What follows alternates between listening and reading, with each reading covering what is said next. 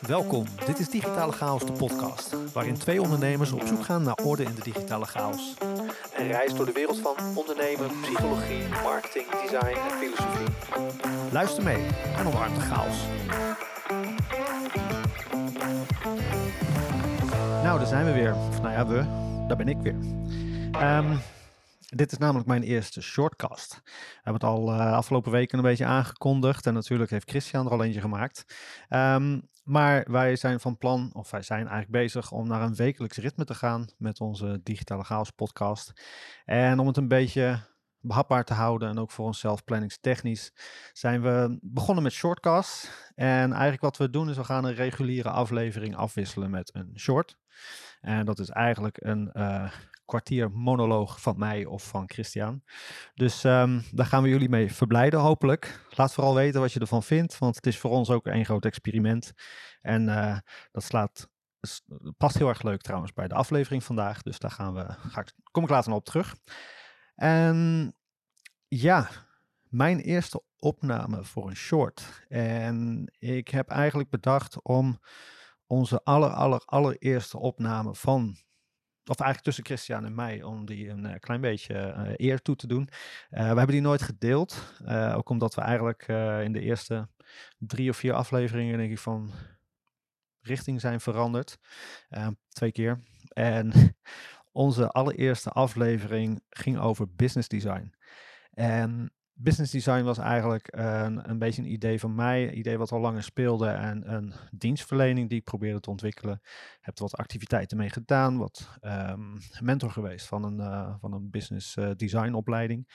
En um, eigenlijk toen met Christian um, ja, gesprekken hadden, weten allemaal het ontstaan natuurlijk van digitale chaos, dat we als accountability buddies een beetje begonnen waren om elkaar een beetje scherp te houden.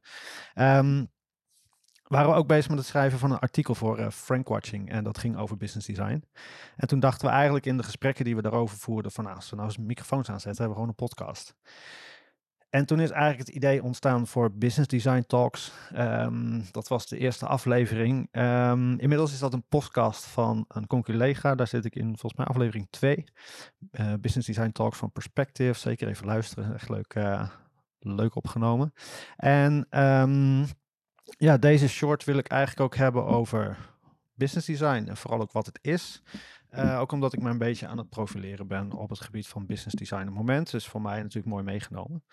En um, helpt mij ook een beetje om het uit te kristalliseren en het um, uit te denken. Voor de kijkers onder ons, ja ja, um, ik ben ook een video aan het opnemen. Dat is ook helemaal nieuw. Ik zit bij mij thuis. Heb een zo goed mogelijke hoek proberen te vinden. En ik heb wat slimme lampen, dus uh, misschien ik lijk heel bleek op de GoPro. Maar goed, dat gaan we wel meemaken. Uh, voor de mensen die mij willen zien praten, dan uh, kun je naar YouTube. We hebben een YouTube kanaal, Digitale Chaos. we zijn bezig om onze backlog aan um, podcastafleveringen daar live te zetten met een visualisatie. En op termijn ook video um, te gaan doen met, um, met gewone afleveringen. we zijn nog een beetje zoekende daarin, dus dat komt vanzelf. Um, ja, wat is nou business design? Daar wil ik het eigenlijk over hebben. En um, ik ga eerst even terug naar het ontstaan en dan even voor mij persoonlijk hoe de puzzelstukjes op zijn plek zijn gevallen. Um, natuurlijk in eerdere afleveringen al uitgebreid gehad over wie ik ben of hoe, hè, hoe dat allemaal gegaan is. En voor mij, dus denk ik, het een beetje begonnen op het gebied van mijn opleiding. Um, ik heb een competentiegerichte opleiding gedaan, Small Business en Retail Management heette dat destijds. Tegenwoordig heet het Small Business en, Entrepreneurship. En daarin kreeg je eigenlijk een hele rij competenties die is groot geworpen en zeiden van nou zoek maar situaties waarin je deze gaat aantonen. En um, een beetje tegelijkertijd begon mijn interesse in design. Um, en dat is gewoon heel letterlijk grafisch design. Dus gewoon leuke dingen maken, een beetje uh, puzzelen in een uh, destijds piratenversie van uh, Photoshop en Illustrator. En uh, ja, da daarmee is aan de slag gaan. En ik was een beetje aan het designen en ik werkte destijds uh, in een motorkledingzaak van mijn broer, die mijn broer heeft opgericht. En langzaam kwam daar de vraag van, goh, kan je eens wat voor mij ontwerpen? Ik zei, nou prima, kan ik doen. Nou, toen kwamen er wat leveranciers die zeiden, hey, jij kan ontwerpen, doe ook eens wat voor mij. En zo is eigenlijk mijn ondernemersreis een beetje ontstaan. Um, maar ik heb dus eigenlijk van oorsprong een meer business gerelateerde opleiding gedaan. Um, daarin wel de ruimte gehad, omdat het heel praktijkgericht onderwijs is, om daar mijn eigen weg in te vinden. En ben eigenlijk die uh, designkant wat meer opgegaan met mijn werk. En eigenlijk kwam ik daardoor ook een beetje in aanraking met de zakelijke kant van design. En um, toen ik mijn opleiding deed, um, wanneer was dat? Lang geleden. Uh, 2005, denk ik, 2006. En in die tijd kwam eigenlijk de, de principes een klein beetje wat meer, ja, eigenlijk meer in, de, in, het, in het licht van design thinking, service design, human-centered design, al dat soort um, methodieken, lean, lean UX, al dat lean startup, al dat soort methodieken.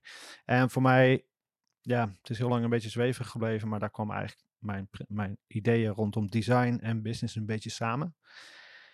En toen we begonnen met Daily Creations, toen was dat voor mij ook. het is een beetje ontstaan uit. We willen meer dan alleen mooie plaatjes maken en we willen impact maken en dat soort um, um, uh, statements. En daarin hadden wij heel veel ruimte voor design thinking en service design. Uh, dat vonden we heel tof. Uiteraard, als broekjes begin je zonder ervaring en moet je dat ergens maar op gaan doen. En uiteindelijk viel dat bij ons samen in UX design. Maar het heeft mij nooit echt losgelaten op de achtergrond. En um, eigenlijk de afgelopen jaren zie je een klein beetje de opkomst van een nieuw soort vakgebied. En dat vakgebied heet dan business design. En wat een business designer eigenlijk doet, is die integreert eigenlijk het creatieve denken en de zakelijke strategie om innovatieve oplossingen te maken. Nou ja, hierbij kun je denken aan het optimaliseren van processen, het optimaliseren van producten of het uitdenken van nieuwe producten of diensten. En het um, uitwerken van bijvoorbeeld een strategie. Maar wat je daarbij eigenlijk doet, is je vliegt businessvraagstukken aan met de designers mindset en de designers toolkit.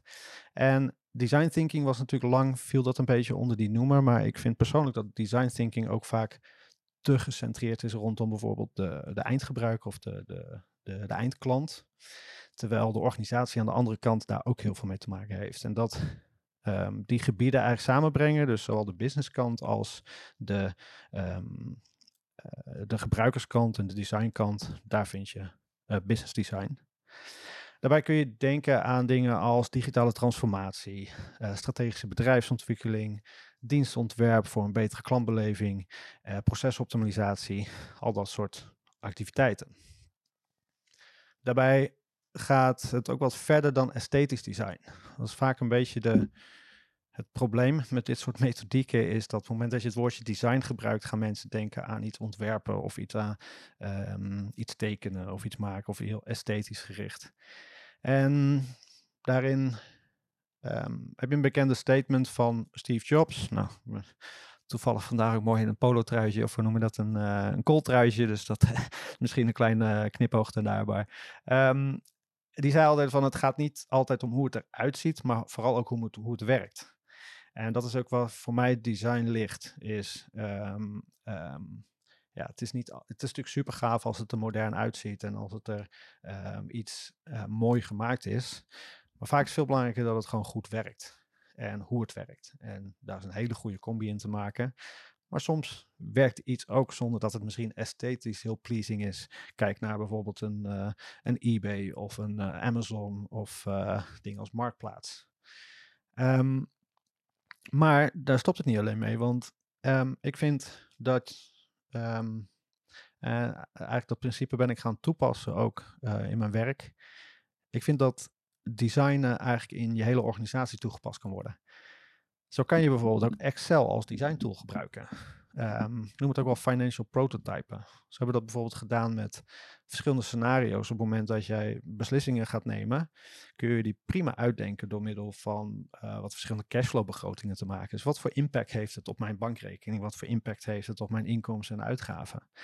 Um, En zo kun je ook bijvoorbeeld bepaalde optimalisaties van processen kun je ook financieel onderbouwen of financieel doorrekenen. Dat hoeft niet een heel uitgebreid iets te zijn, maar het kan soms heel erg helpen om even te laten zien van oké, als we dit investeren, verwachten we dit als terugkomst of verwachten we dit als efficiëntieslag. En daarmee kun je heel mooi een soort prototype maken. Um, daarnaast heb je ook zoiets als bijvoorbeeld business model prototyping. Ik vond een heel mooi voorbeeld als het business model canvas.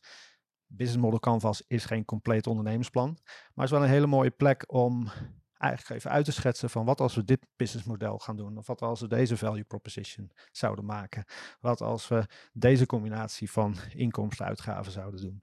Heel tof om daar wat prototypes mee te maken als je bijvoorbeeld een nieuwe business gaat maken of een nieuwe product of dienst.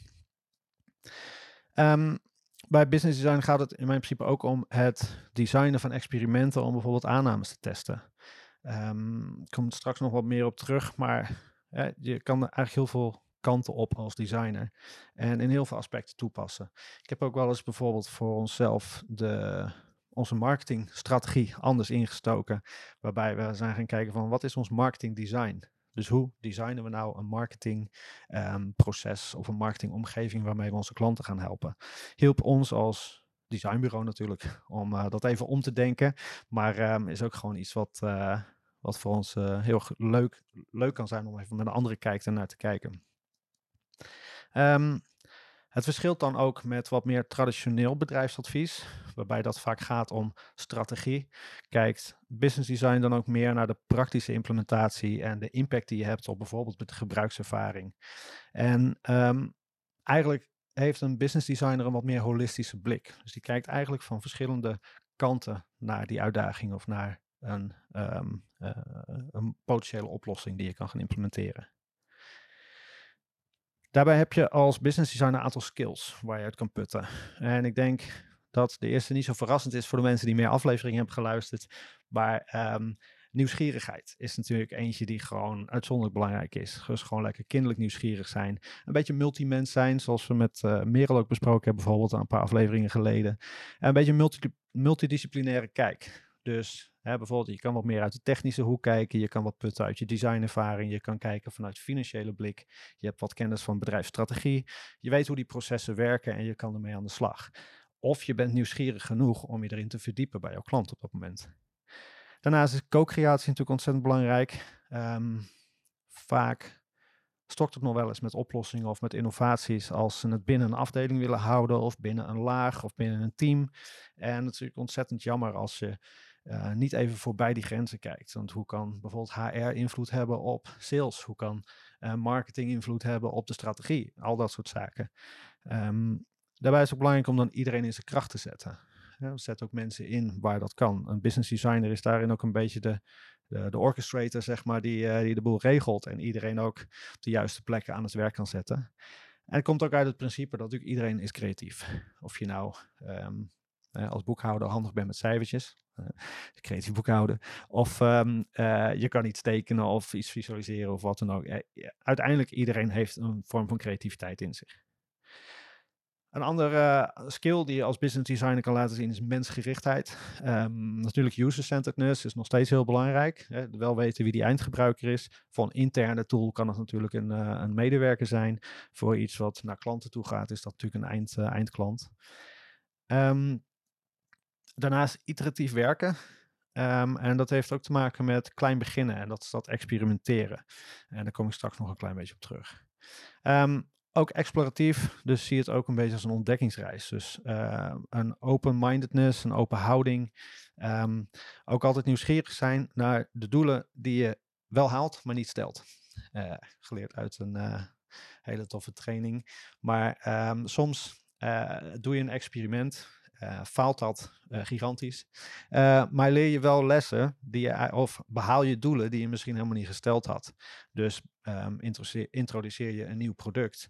Um, en dat product verkoopt niet lekker, maar je ziet ineens dat producten in een andere categorie of een ander product ineens heel hard gaat verkopen.